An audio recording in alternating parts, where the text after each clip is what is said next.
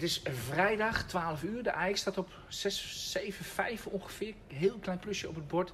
Helaas geen all-time high op, het bord met het prachtige weekend eh, in aantocht.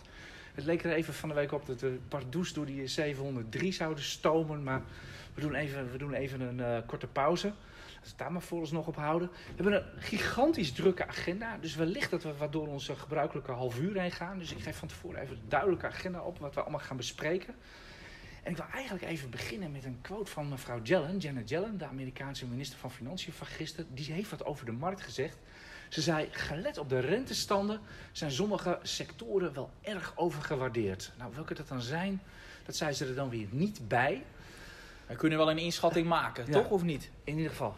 U hoort hem al, Niels Koerts, aandelenanalist van eh, IX.nl. Ik ben Arend Kamp, marktcommentator van IX.nl. Welkom bij onze wekelijkse podcast.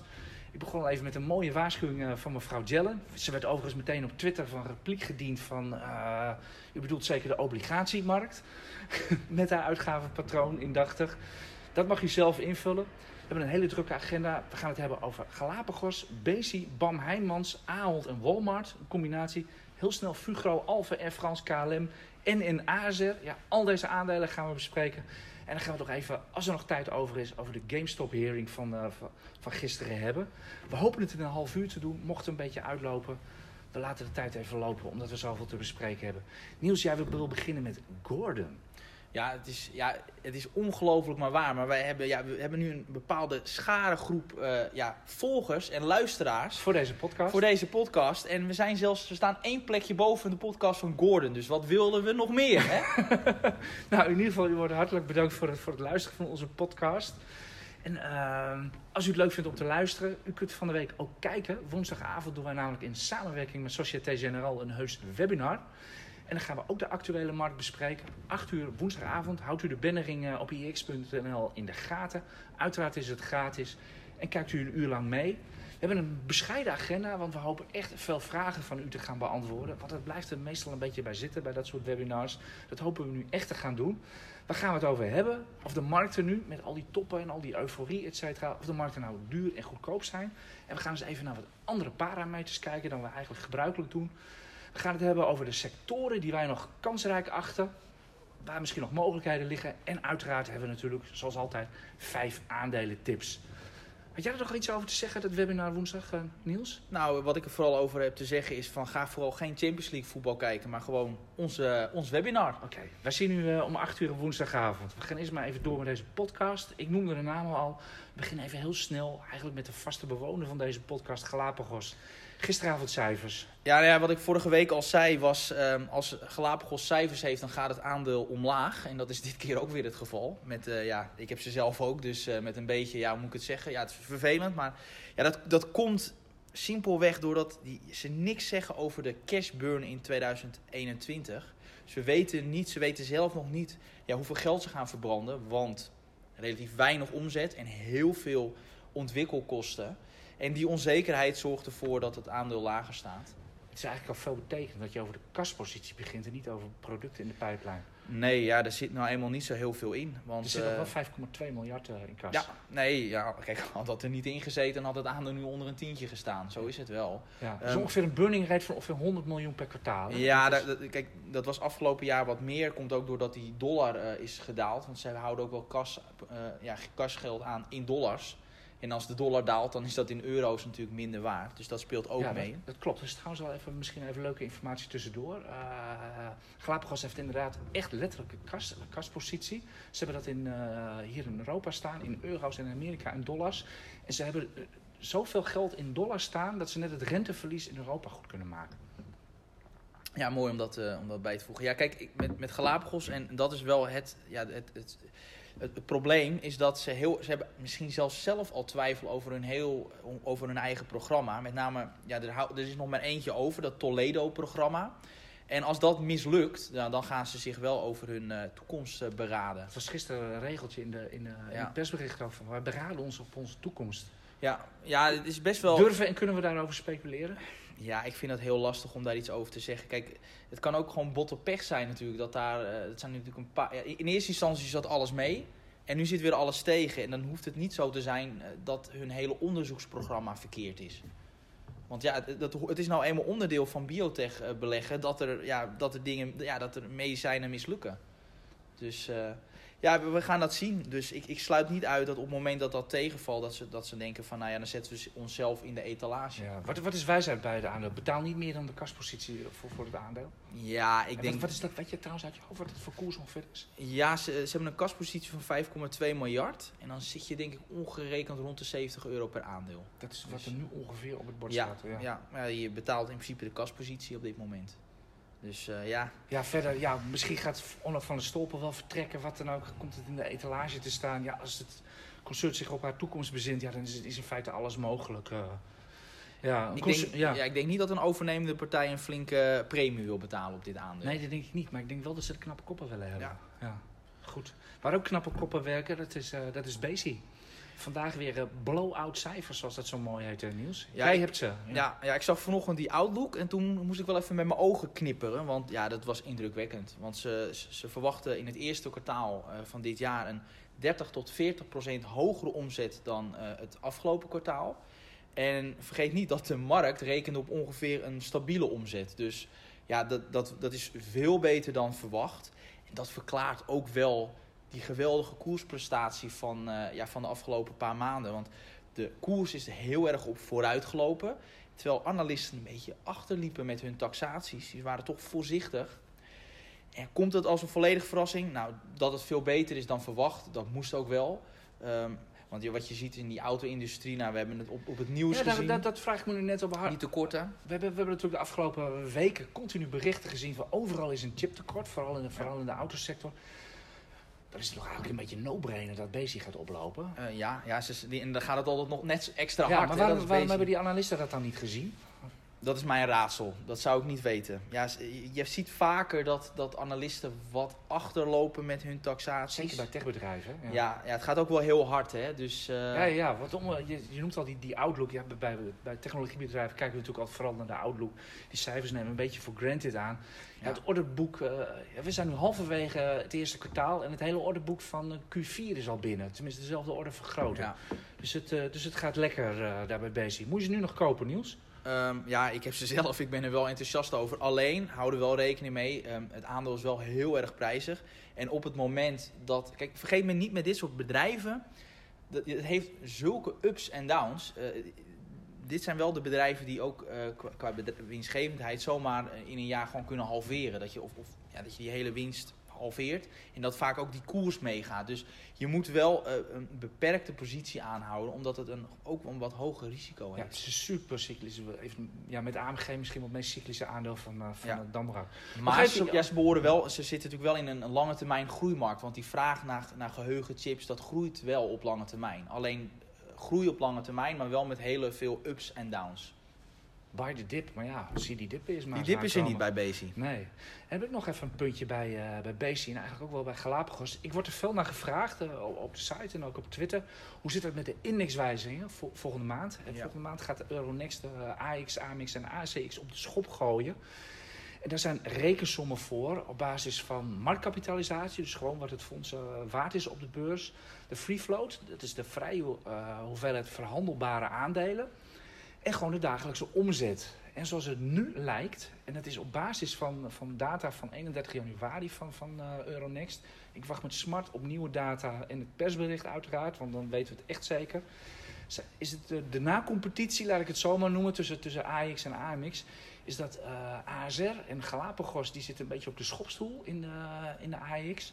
En WDP en Signify zouden naar de eh, AX kunnen. Maar het kan intussen ook wel zijn dat Bezi WDP aan het inhalen is. Dus bij Bezi zou er wellicht nog wat extra upside kunnen zijn. Dit alles is onder het grootst mogelijke voorbehoud. Als u naar de data gaat kijken van Euronext, dan ziet u helemaal onderaan in de AX ziet u ABN AMRO staan. Op basis van de berekeningen zou, ja, is het bijna een zekerheidje dat, dat ABN AMRO naar de AMX zou gaan. Maar er is een hele dikke maar bij, eh, bij ABN AMRO. Dus het grote staatsbelang van 56 En tot dusver rekent Euronext dat niet mee, zeg maar, in haar berekeningen. En wat dat betreft zit ABN AMRO dan weer helemaal niet op de schopstoel. Dus, dus Euronext zegt in feite, uh, gaan dan uit van 100% free float. En Ja, omdat ja. er zoveel eh, vrij ver- verhandelbare aandelen zijn, dan volgens dat model mogen ze bij, binnen de AIX Zo blijven. zeg je het helemaal goed. Dus alles onder voorbehoud, maar er, is echt wel, eh, er zijn flinke wijzigingen mogelijk eh, per, eh, per 1 januari. Of per, eh, ja, ergens in maart als, is als erin komt, dan zijn we wel echt de Europese Nasdaq, hè? Ja, daar zitten Bezi, Asmi en... eh, ja, dat is natuurlijk wel een hele lichte weging. Want het natuurlijk, de weging in de AX van de techbedrijven is echt ASML, Proces en Adyen. Ja. En dan krijg je de bij wijze van spreken, krijg je de ASMI takeaway en... eh, ja, heel misschien Bezi eh, wel gratis bij, bij wijze van spreken. Ja. Dus, maar in ieder geval, het is, ja, de AX is echt een technologie-index. En er gaat ook natuurlijk wat bij komen natuurlijk. Er, er zouden nog, nog, ja, nog, nog zo'n, ik geloof het platenlabel van Taylor Swift of zo, zou er nog bij ja, komen. ja, er komt van alles en nog er wat. gaat nog eh, van alles bij komen. Dus eh, Amsterdam is een zeer populair Juist. adres eh, momenteel voor, voor, voor beursbedrijven. Wij gaan gauw verder met volgende aandelen waar u op IRX altijd mee bezig bent. De Bouwers, Bam en Heijmans. Bam kan van de week, eh, ik zie jou nu al grijnzen Niels. ja, traditioneel tegenvallend. Het is altijd bij BAM, ik weet niet wat het is, maar eh, ja, eh, ja, leedvermaak is misschien wel Wacht, slecht. je maar- moet wel even twee dingen splitsen. Er was, waren natuurlijk cijfers en er was een strategie. Ja. Je hebt het over de cijfers, denk ik. Ja, die cijfers met name weer dat het dan. Waarom? Ze vallen altijd tegen bij BAM. Ik weet, ik weet ook gewoon niet wat dat is. Ze weten het iedere keer voor elkaar te krijgen. Dat is altijd gebruikelijk dat, dat, dat bedrijven beter dan verwachte eh, cijfers presenteren. En bij BAM is het altijd precies het tegenovergestelde. En wat ik met name een beetje zorgwekkend vind, is toch wel die zwakke balans.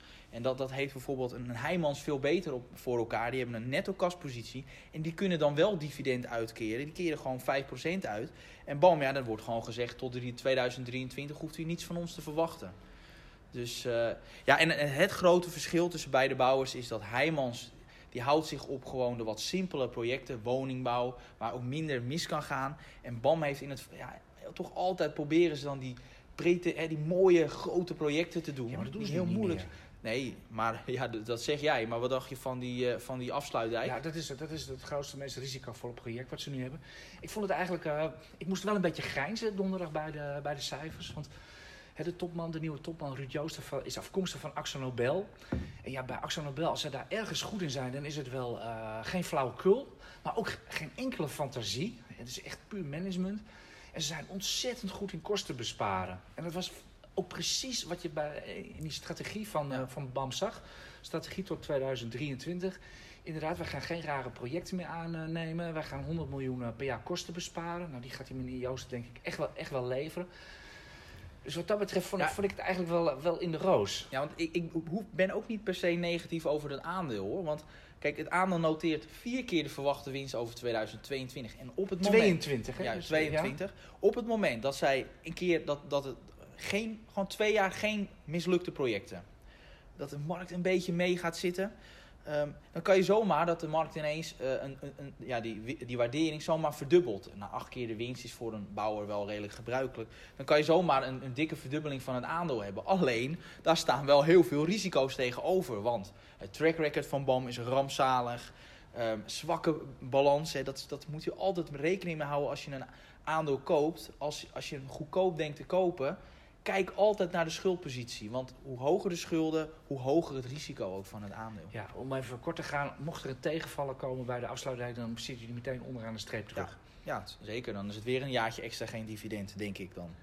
Ja, een beetje pijnlijk, eh, Niels. Wij waren aan het begin van het jaar eh, wel enthousiast voor Ahold, maar eh, Ja, we- het komt er nog niet helemaal uit. zelfs de beste kunnen eens een Nee. keer miszitten. Ja, maar dat geldt trouwens ook voor, voor haar grote Amerikaanse concurrent. Want Ja. u, u- u weet het, Ahold haalt voor ongeveer twee derde, 60% twee derde.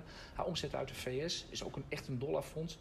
Daar vielen de cijfers ook slecht. Maar daar gaan we het zo even over hebben. Eerst even over Ahold. Want jij had wat bijzonders gezien in de cijfers. Ja, ja ik, ik, ik, ik werd niet blij van die outlook. En dan, dan nog niet. Kijk, een outlook kan tegenvallen. Alleen, ik vind wel altijd dat je het netjes moet opschrijven. En met, eh, het ook correct weergeven. En wat, zeg je nogal wat. ja, wat doet Ahold? Eh, natuurlijk kloppen die cijfers wel. Alleen, wat, wat doen zij? Zij gaan zichzelf ze zeggen, nou, we verwachten ongeveer 5 tot 10 procent winstgroei in 2021.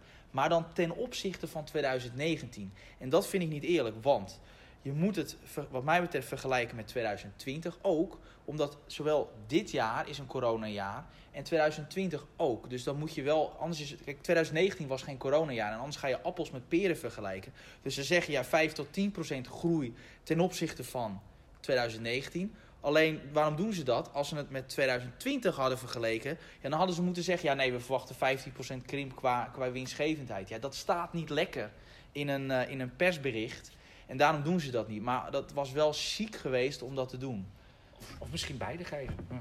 Maar dat is niet gebruikelijk. Nee, en Nee, nu, nee, nu- ja, kijk, ik zie het wel als analist, maar ehm, ja, met name kranten, ja, die pikken. Kijk, op het moment dat ze dat hadden gezegd, dan hadden, ze met, hadden de kranten meteen gezegd 15% lagere winst in Ik 2021. zie dat eh, in die twee minuten die ik tijd heb voor de cijfers voor beurs ook nooit. eh, meteen, Nee, nee, ja, ik, ik zag het dan wel. Ja, ook niet binnen twee minuten. Maar dat is gewoon niet netjes. En dat, dat moeten ze ook gewoon niet doen, vind ik. Ja, en er is nog een extra risico bij, eh bij Ahold, want ze komen bij Walmart uit. Ja, leg, maar, leg dat maar toe. Ja, dat dat op zich geen, geen gekke cijfers. Ja, dat is natuurlijk ook logisch. Men, ook daar eh, profiteert Walmart natuurlijk volop van de, van de coronacrisis. Maar wat er nogal uitsprong was dat 425.000 personeelsleden, 425.000 personeelsleden, geen 13 dollar per uur meer gaan verdienen, maar 19 dollar. Nou, dat is een fors bedrag. En daarmee komen we natuurlijk gelijk ook weer een beetje uit bij, bij Ahold. Dat gaat natuurlijk ongetwijfeld voor haar personeel in, de- in de VS ook meer eh, moeten betalen. En er zit natuurlijk ook nog de, de regering eh, Biden achter, die hè, het minimumloon naar 15 dollar willen hebben. Ik weet niet eens of dat al door, de, door, de, door het huis is. Hoe dat allemaal precies zit, daar weet ik, weet ik ook niet. Maar in ieder geval, ik schreef het van de week ook al op de site. We zouden wel weer eens kennis kunnen gaan maken met de term loonprijsspiraal. Ja. Jij bent jong, Niels. Weet jij wat een loonprijsspiraal is? Ik heb het wel geleerd in de, in de economieboekjes. En als het goed is, is dat met name dat dan de lonen volgt de inflatie of andersom. Ja, dat is een kip-en-ei verhaal. Maar in ieder geval, hè, eh, men wil meer loon omdat de prijzen stijgen. Je, gaat, eh, je hebt meer loon, je gaat meer uitgeven, waardoor de prijzen stijgen. Dan wil je weer kun- meer loon. Ja, Ja. en eh, dat, dat is in het verleden is dat voorgekomen. En het valt alleen maar te tackelen uiteindelijk met hogere rentes. Dus dan En dat is natuurlijk weer slecht voor aandelen. Hè?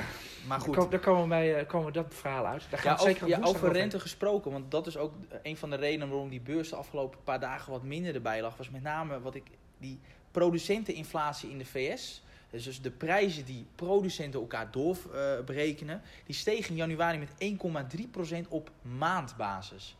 Ja, en dan, ja, dat, dat is misschien wel een voorteken voor, voor, voor de inflatie die gaat komen. Eh, detailhandelsverkopen waren ook ruim 7% Ja. hoger. Dus, en dan is de economie nog niet eens helemaal open. Nee. Wat als, dat, ja, wat ja. als dat wel zo is, Ja, ja. Dan, Eh, eh, kijk ook naar de coronabesmettingen in Amerika. Die nemen drastisch af. Dus de Amerikanen zijn iets makkelijker dan wij. Dus ze gaan misschien sneller open. Misschien dat het daar echt wel een consumentenfeestje gaat worden Ja. deze zomer. wie weet. Ja, wij gaan terug naar een andere tegenvaller van vandaag. Fugo.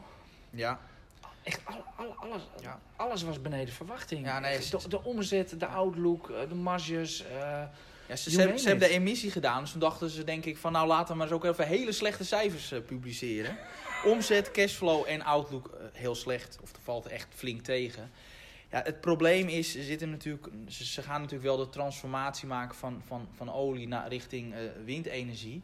Maar ja, dat heeft tijd nodig. En eh, ze opereren gewoon in een hele moeilijke markt. Want ja, die oliegerelateerde bedrijfje, die staan ook ondanks die prijs van olie is wel hoger. Maar ze staan echt niet te springen om nou eens even te gaan investeren in het zoeken naar nieuwe olievelden. Nee, was van de week wel opvallende bericht dat eh, bijvoorbeeld Warren Buffett is voor 4 miljard in Chevron gestapt.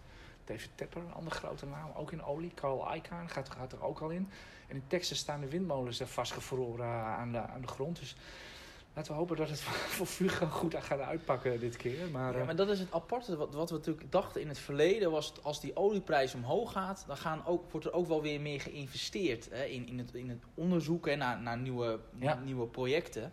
En daar zou dan Fugro van moeten profiteren. Maar dat gebeurt niet. het wordt in nieuwe energie geïnvesteerd. Ja, In, nieuw- in nieuwe vormen. Ja. Dus eh, dus daar hebben ze wel echt last van. En, maar goed, de, de balans ziet er wel wat sterker uit dan toen, dan eerst. Dan was dat ook nog een probleem. ja, dat, is, dat is in ieder geval geen probleem. Nee. Maar we moeten nu gewoon weer niet meer als, als naar Fugo kijken als, als special occasion, maar gewoon puur als fundamentele belegging. Ja. En eh, ja, het is een beetje Ik moeizaam. ben voorzichtig. Ik ben Ja, heel voorzichtig. een moeizaam verhaal. eh.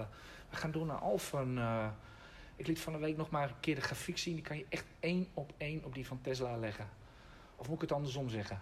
Nou, Jij volgt, het, jij volgt het aandeel, Ja, Niels? Je ja, hebt geen ik ben- positie, Ik heb geen positie, maar ben wel de, wel de analist van het aandeel. En ja, ik keek naar die, naar die cijfers en ik zag al meteen van eh, dit gaat hem, eh, ja goed, dit is gewoon, je ziet, soms zie je gewoon in één klap of het nou beter is eh, dan verwacht of niet. En dat was dit keer het geval. Ja, natuurlijk prachtig omzetcijfers, 32% omzetgroei op jaarbasis. Alleen je zag wel dat die groei in het vierde kwartaal echt afzwakte. En dan viel die outlook viel mij ook een beetje tegen. Ze, ze verwacht echt een vertraging. Ongeveer 25% omzetgroei in 2021. En de markt had op meer gerekend. En helemaal als er dan dus ook nog best wel prijzig aandeel is. U weet het, het opereert in, ja, in een markt voor duurzame energie. En dat, dat, ja, daar, daar liggen de koopjes niet voor het oprapen. En dan, ja, dan, dan gaat die koers omlaag. Ja, eh, nee, nee ja. bij dat soort aandelen is, is, de, is de verhouding tussen pure eh, fundamentals van een aandeel en de koers die op het bord staat eh, wordt- redelijk zoek. Ja, er wordt echt wel ingeprijsd dat het de komende tien jaar echt een succesverhaal wordt. En ik denk ook dat Alphen dat wel wordt. Hè. Ik, wat mij betreft zijn zij perfect gepositioneerd om te profiteren van die Het is energietransitie. echt te hard gegaan. Alleen het aandeel is wel prijzig. Ja, je betaalt 45 keer de verwachte winst over 2022. Ja, dan, moet het wel, Ja, ja. dan moeten ze wel zo doorgaan. Wil het acceptabel Vind, zijn? vind, vind, vind jij die waardering niet veel te hoog? Want ik vind het meer een engineeringbedrijf dan een technologiebedrijf. Dat klopt, dat klopt. Alleen, ja, ze, het is wel, we gaan, ze, ze- ja, installeren wel bijvoorbeeld laadpalen en dan moet, dat staat pas aan het begin van de groei. Dus ook zij gaan veel meer orders krijgen de, de komende tijd. Dus wat mij betreft, ik heb in mijn analyse staan eh, dat hij gewoon fair gepriced is. Dus gewoon net gewaardeerd. Maar ja, ik zie, ik zie niet echt opwaarts potentieel. Nee. Nee, nou, het zo noemt. Ja, helaas heeft Euronext die data niet, maar het zou best wel kunnen dat het aandeel naar de AMX verhuist. eh. Ja. dat, eh, dat zou best wel Ja, kunnen. dan, dan Dus, heb jij ook positie. eh, ja, ja, ik, ja, ik beleg in AMX-trekken. Ik beleg in AX en AMX-trekkers. Dus vandaar ook dat ik, dat ik zelf niet noem in de aandelen die ik geef, positie heb. Want Dus, je hebt ze allemaal. Want ik heb ze uiteindelijk allemaal, ja. Dus voor jou is dat, voor jou is dat ietsje, ietsje anders. Ja, en dan gaan we nog naar eh, ja, 7,1 miljard verlies. De huiskamervraag is eh, over welk aandeel hebben we dat dan? En dat raadt iedereen. En Ja. Frans KLM. Ik, ik kreeg nogal veel commentaar op mijn opmerking van... eh, en ze hebben niet eens, het is niet eens gestaakt dit jaar of afgelopen jaar. Dat is wel heel zeven- cynisch. 7,1 miljard verlies. ik vind het geen serieus. ik- Nou, dat vindt iedereen eigenlijk. Dat is een van de weinige dingen op de beurs waar we het allemaal over eens zijn, zo ongeveer. En Frans KLM is geen serieuze belegging. Heb je- wou jij nog iets over die cijfers zeggen? Nou, heel kort. ehm, netto schuld 11 miljard. En dat is echt wel een behoorlijk bedrag. Want dan vergelijk ik altijd van wat kunnen ze verdienen. Nou, Ja, in het beste wat- wat- wat- jaar, 2016, was een absoluut topjaar. En toen was het geloof ik uit mijn hoofd anderhalf miljard. Dus dan, eh, ja, ik denk dat, eh, dat ik gepensioneerd ben op het moment dat zij dividend gaan uitkeren. Als ze dat ooit nog gaan doen of wat dan ook. ja. En dan, en jij hebt daar nog een leuke quote bij. Want jij hebt de topman van eh, ASM, Jos Ja. Eh, gisteren gesproken. De verzekeraars NN en ASR waren deze week ook met cijfers. NN viel een beetje viel niet goed, ASR wel. Ja. Nou, eh, NN had een wat, ja, was, eh, waren gewoon prima cijfers, alleen iets minder dan verwacht. En bij AS ASR wa- waren in een brede lijn beter. Alleen, ik sprak dus de, de CEO, Jos Ja, Baten. jij, jij hebt het aandeel, hè, ASR? Ik heb eh, ASR inderdaad. En ik sprak hem over, hè, want ASR zei van we hebben geen last van gehad van corona. Maar er was wel één bepaalde business waar ze wel last van hadden. En dat was met die arbeidsongeschiktheidsverzekeringen. Daar was toch ja, meer claims op dat gebied. En waar, waar zei je dat? Ik vroeg ook van waar ligt dat nou aan? Zijn er nou zoveel mensen die ziek zijn vanwege corona? En hij zegt zo van. Niet zozeer mensen die fysiek ziek worden door, door, door corona, maar met name de geestelijke schade. Dus mensen die ehm, veel stress ervaren van hou ik mijn baan nog wel. Maar ook eh, ja, van de lockdown maatregelen zijn natuurlijk mensen die ja, eenzamer worden, ehm, toch ook ja, meer depress, depressies ervaren.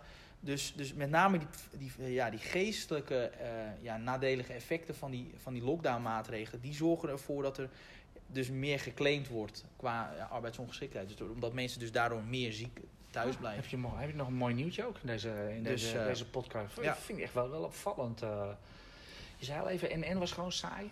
Ja, kijk, over die, hun financiële pos- positie, die solvabiliteitsratio, uitstekend, 210%. Alleen, dat was wel iets minder dan verwacht. Maar dan nog ruimschoots voldoende. ehm, want ter vergelijking, eh, wanneer de eh, solvabiliteitsratio boven de 160% ligt... dan eh, zeggen verzekeraars, dan kunnen wij dividend uitkeren. zit die boven de 180%, dan gaan ze ook eigen aandelen inkopen. Nou, en bij NN Groep zit die solvabiliteitsratio op 210%. Dus is het ruim gecapitaliseerd om, uh, ja, om zowel aandelen in te kopen als dividend uit te keren. Ter vergelijking, uh, ASR zit op 199%, dus die keren ook en dividend uit en kopen eigen ja, aandelen in. En, en Egon zit daar iets onder. En ja, die hebben veel... Ja, dat was vorige week al Juist. over. Ja. Dus gewoon wat, Egon is gewoon risicovoller dan... Juist. Als je, jij hebt ASR, als je niet zou hebben, wie, welke zou je nu adviseren? Voor NN of ASR? Ik noemde uh, trouwens ASR al even dat het misschien uit de AX gaat verdwijnen. Dus, ja, uh, ja, nou ja, goed. Als lange termijn belegger zou ik daar niet zoveel mee bezig zijn. Um, als, ik echt, als, als, je, als ik echt de keuze zou moeten maken tussen de twee...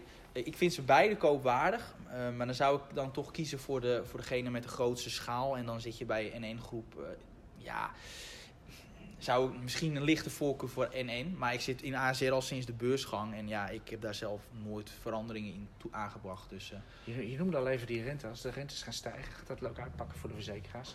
zeker, maar die gaat niet stijgen de komende tijd. Want hun, wat het probleem is bij verzekeraars, is dat ze rekenen met een relatief hoge rekenrente, uit mijn hoofd 3,75 procent, of 3,25, nou dat maakt niet zoveel uit. Maar die gaat, stap, nou het maakt wel uit, maar die gaat stapje voor stapje omlaag omdat uh, die, die marktrentes zijn veel lager op dit moment. Dus al stijgt de marktrente, dan nog gaat die rekenrente omlaag. Okay, omdat heel langzaam. Dus, ja, is gemiddeld over zoveel jaar. Dus, juist. Ja. Alleen um, vergeet niet dat ASR en NN-groep zijn dusdanig sterk gecapitaliseerd dat dat voor hun geen probleem vormt. Uh, voor, qua dividenduitkeringen. Dus, dus die, die, ze kunnen dat prima hebben. Ze kunnen dat prima hebben. Oké, okay, nou, dat was, de, dat was de hele cijferreeks. Ja. Ik hoop dat we u een beetje mee, mee geholpen hebben. Jij wilde nog wat hebben over GameStop, de hearing. Brand ja. los. Brand los. Moet ik het allemaal gaan vertellen? Ja, ik, ik heb het allemaal gemist. Ik ben ja. voetbal gaan kijken. Okay. Dus, waar, waar, gaat het over? Gisteravond van 6 uur tot heel laat. Ik heb het zelf tot, tot half negen volgehouden. Toen was ik echt helemaal gaan. Weer een hele lange, drukke dag op het Damrak. Was er inderdaad de GameStop hearing in het congres met alle hoofdrolspelers. Waar ging het om? Het congres wil, uh, wil weten wat er nou precies gebeurd is in die hele aandelen frenzy. Waar natuurlijk GameStop uh, het boegbeeld van is. Maar er waren natuurlijk meer aandelen die sky high gingen en inmiddels ook alweer gedecimeerd zijn. En we weten natuurlijk allemaal dat er weer, gewoon weer een hele generatie, uh, ja, ik noem het gewoon gokkers. Ik weiger het beleggers te noemen. Ik vind het er niks mee te maken hebben. Het schip is ingegaan. En het congres wil gewoon weten of ze eventueel de wetgeving moeten gaan aanpassen. Nou, ze hadden echt een fantastisch wedstrijdaffiche uitgenodigd. Dat, dat, was echt om je vingers bij af te likken. Het was alleen jammer dat het allemaal natuurlijk weer via, via, via laptops ging, et cetera. Niet mooi in het congres zelf. Maar de, de CEO van Robinhood was er, de bekende broker. De CEO van Citadel was er. De, de grootste marketmakers ongeveer van Amerika. En die de, mede de orderflow opkoopt van, uh, van Robinhood. Maar ook positie heeft in, in Robinhood. Zelfs nog genomen midden, midden in die frenzy. Als ik daar meteen even over wat over, over kan zeggen. Ik vind dat niet eens zo heel raar dat, uh, dat Citadel dat doet. Want ja, die supporten eigenlijk een partij die heel belangrijk voor hen, voor hen is. Ik bedoel, ons eigen ASML doet dat ook. Die hebben gewoon positie heet, het, heet het niet Carl Zeiss, die, die uh, Duitse spiegelmaker? Die maken de spiegels van ASML. Nou, het is de meest hoogwaardige technologie die je maar kan voorstellen. En ASML vindt het heel belangrijk dat dat bedrijf gezond is, dus die hebben daar positie in. En eerder hadden al Intel en TSMC, die hadden al positie in ASML zelf. En die hebben dat die verkocht, toch? Ja, die hebben dat verkocht. Die hebben dat helemaal afgebouwd. Dus in die zin vind ik dat niet eens zo heel raar, dat, dat Citadel gewoon in dat soort partijen ook uh, positie neemt. En eigenlijk wilde de, wil het congres erachter komen of ze, ja, of ze maatregelen moeten gaan nemen. Moeten ze maatregelen wat, je, wat jou betreft nemen? Uh, ja, om, om, nog even het verhaal ja. af te maken. Het was natuurlijk geen, geen rechtszaak. Overigens was de CEO van Melvin, dat, uh, dat hedge fund wat short zat in GameStop en wat voor miljarden de bietenbrug op ging, was er ook. Maar die meneer kreeg, kreeg bijna geen vragen en die droeg, vond ik zelf, ook waardig zijn verlies. Heeft hij helemaal niet over zitten zeuren, et cetera. En er was daar ook nog Roaring Kitty, een van de gangmakers op, uh, op Reddit, Wall Street Web, die zeg maar die, die, die frenzy in gang zette. Hij is er heel goed, goed uitgesprongen. En, ik vond het hier goed verhaal. Hij zei, ik zat er gewoon puur om fundamentele reden in. Er waren natuurlijk heel veel mensen die, die short zaten in het aandeel. Ik vond het gewoon een hele duidelijke long, want ik vind het gewoon een heel goed businessmodel. En het saillante detail was, hij kreeg nog de vraag, zou u het aandeel nu kopen voor 40 dollar? Hij zei ja, en toen zakte de koers. Ik had de koers van GameStop real-time op mijn scherm staan en die zakte daar vervolgens wat op. Dus dat was even een saillant detail. Waar het vooral om ging, was meneer Tenef van, uh, van Robin Hood kreeg de meeste vragen. En het beeld wat daaruit voortkwam, had, had geen goed verhaal. Robin Hood heeft gewoon zijn huiswerk niet op orde. Dat bedrijf is denk ik gewoon veel te, veel te snel, veel te hard gegroeid. En daardoor hebben ze, uh, ze, dingen niet op orde. En het werd op een gegeven moment zelfs heel erg pijnlijk. Toen midden in de uitzending ging een van die congresleden ging gewoon de helpdesk bellen. Die kreeg een bandje en werd opgelegd. Dus, heel herkenbaar. Ja, Dat heb ik bij de Giro ook al meerdere keren meegemaakt. Oké. Dus- nou, en, en, dat allerlei dingen die stonden niet op de, op de website. Uh, nou, zal, die details zal ik allemaal maar niet, maar niet ingaan. Maar in ieder geval, dat was ja, eigenlijk al een beetje de conclusie die congresleden trokken van... Hè, bij een gratis broker is de markt, lees de citadels van deze wereld, de marketmakers, et cetera, zijn daar klant. En niet de beleggers, investeerders, gokkers, eh, handelaren, hoe ze u ook maar noemen wil. vergelijk het model bij Facebook. Als het gratis is, bent u het product. En dat is bij Robin Hood is dat ook het geval. Ik, ik denk dat de wetgever daar zeker naar gaat kijken. Of ze daar misschien iets moeten verzinnen of wat dan ook. Dat, dat gaan we zien. En verder, en dat is eigenlijk wel een van de moeilijkste dingen in de markt. Die hele afhandelingen van, van order flows, et cetera. Meneer Griffin van, van Citadel, die daar natuurlijk uh, geweldig groot mee is geworden en daar werkelijk geniaal in, in, in, uh, in is. Die kreeg ook de vraag van, uh, als u nu dezelfde order binnenkrijgt van Fidelity en van Robinhood, wie krijgt de beste prijs? Nou, daar gaf hij geen ja of nee antwoord op, zoals werd, op hoge toon werd, werd geëist. En hij zei gewoon van, ja, iedereen krijgt een andere prijs. Ja, dat is natuurlijk iets, dat, dat is eigenlijk het Coca-Cola recept van, van marketmakers. Van ja, wat ze met hun orderflows doen, wat naar welke beurs gaat, et cetera. En, welke prijs daarbij hoort, welke spreads, et cetera. Dat is natuurlijk allemaal hele sophisticated software. Hij wil gewoon eigenlijk, durft niet te zeggen van die mensen bij Robinhood, die krijgen gewoon een slechtere prijs dan de professionele partijen. Want als je dat zegt bij zo'n hearing, dan gaat er natuurlijk wetgeving komen. Nee, maar iedereen kon natuurlijk wel zelf zijn, uh, zijn conclusies trekken. Maar in ieder geval, die, die hele afhandeling van die, van die orderflow, uh, ik spreek daar zelf ook wel eens uh, handelaren die daar goed op ingevoerd zijn. Dat is echt heel ingewikkeld. Daar ga ik ook nu verder maar niks over zeggen. Kijkt u op Investopedia, daar staat daar een heel goed verhaal over hoe dat zit, echt die Ja, en het, ja weet je Niels, het, het is een markt. Er blijven, eh, als u een gewone markt oploopt, moet u ook op het portemonnee letten. En u niks laten aansmeren door een verkoper. U niet laten zakken rollen. Let op voordringers, ja. et cetera. Zo zal het altijd op de beurs ook blijven. Het, het is een markt. En je kunt niet alles helemaal waterdicht aftimmeren. Helemaal niet. En dat maken we eigenlijk eens per generatie meer als er zo'n frenzy uitbreekt. Hè, met dollartekens in de ogen stormde iedereen op GameStop af. Want laten we het beestje maar gewoon bij hun naam noemen. En het waren niet mensen die eerst de disclaimers gingen lezen. Zo van, hè, wat gebeurt er nu met mijn order? Nee, dat is aanmelden en hup erin. Want dat was er, was, was natuurlijk aan de hand. En daar kan geen enkele wet of wat dan ook zal, zal daar ooit, is daar ooit tegen bestand. Ik, ik denk zelf dat we dat maar moeten accepteren. Dat hoort bij de markt. Dat er af en toe dat we gek worden met z'n allen. En dat is denk ik ook wel een van de charmes eh, van de markt. En ja, iedereen heeft zijn billen gebrand. En wat dat betreft, de kudos voor die, voor die uh, Melvin CEO, die gewoon keurig op het rooster zit en, en, ze niet neemt. En dat zou ook voor heel veel beleggers, handelaren, gokkers, vooral particulieren ook moeten gelden. Als u uw billen brandt, ja, dat is het risico van de markt. Zonder risico geen rendement. En ja, risico kan ook tegen u werken. Nou, ik denk dat dat wel een mooie, mooie quote is om mee te eindigen. Nou ja, dan rest mij nog om u te zeggen: wees er woen, komende woensdag bij.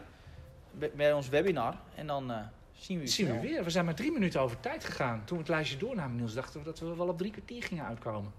Ja. Hoe lang duurden die, uh, die, die dingen van Gordon eigenlijk? Weet je dat? Geen idee.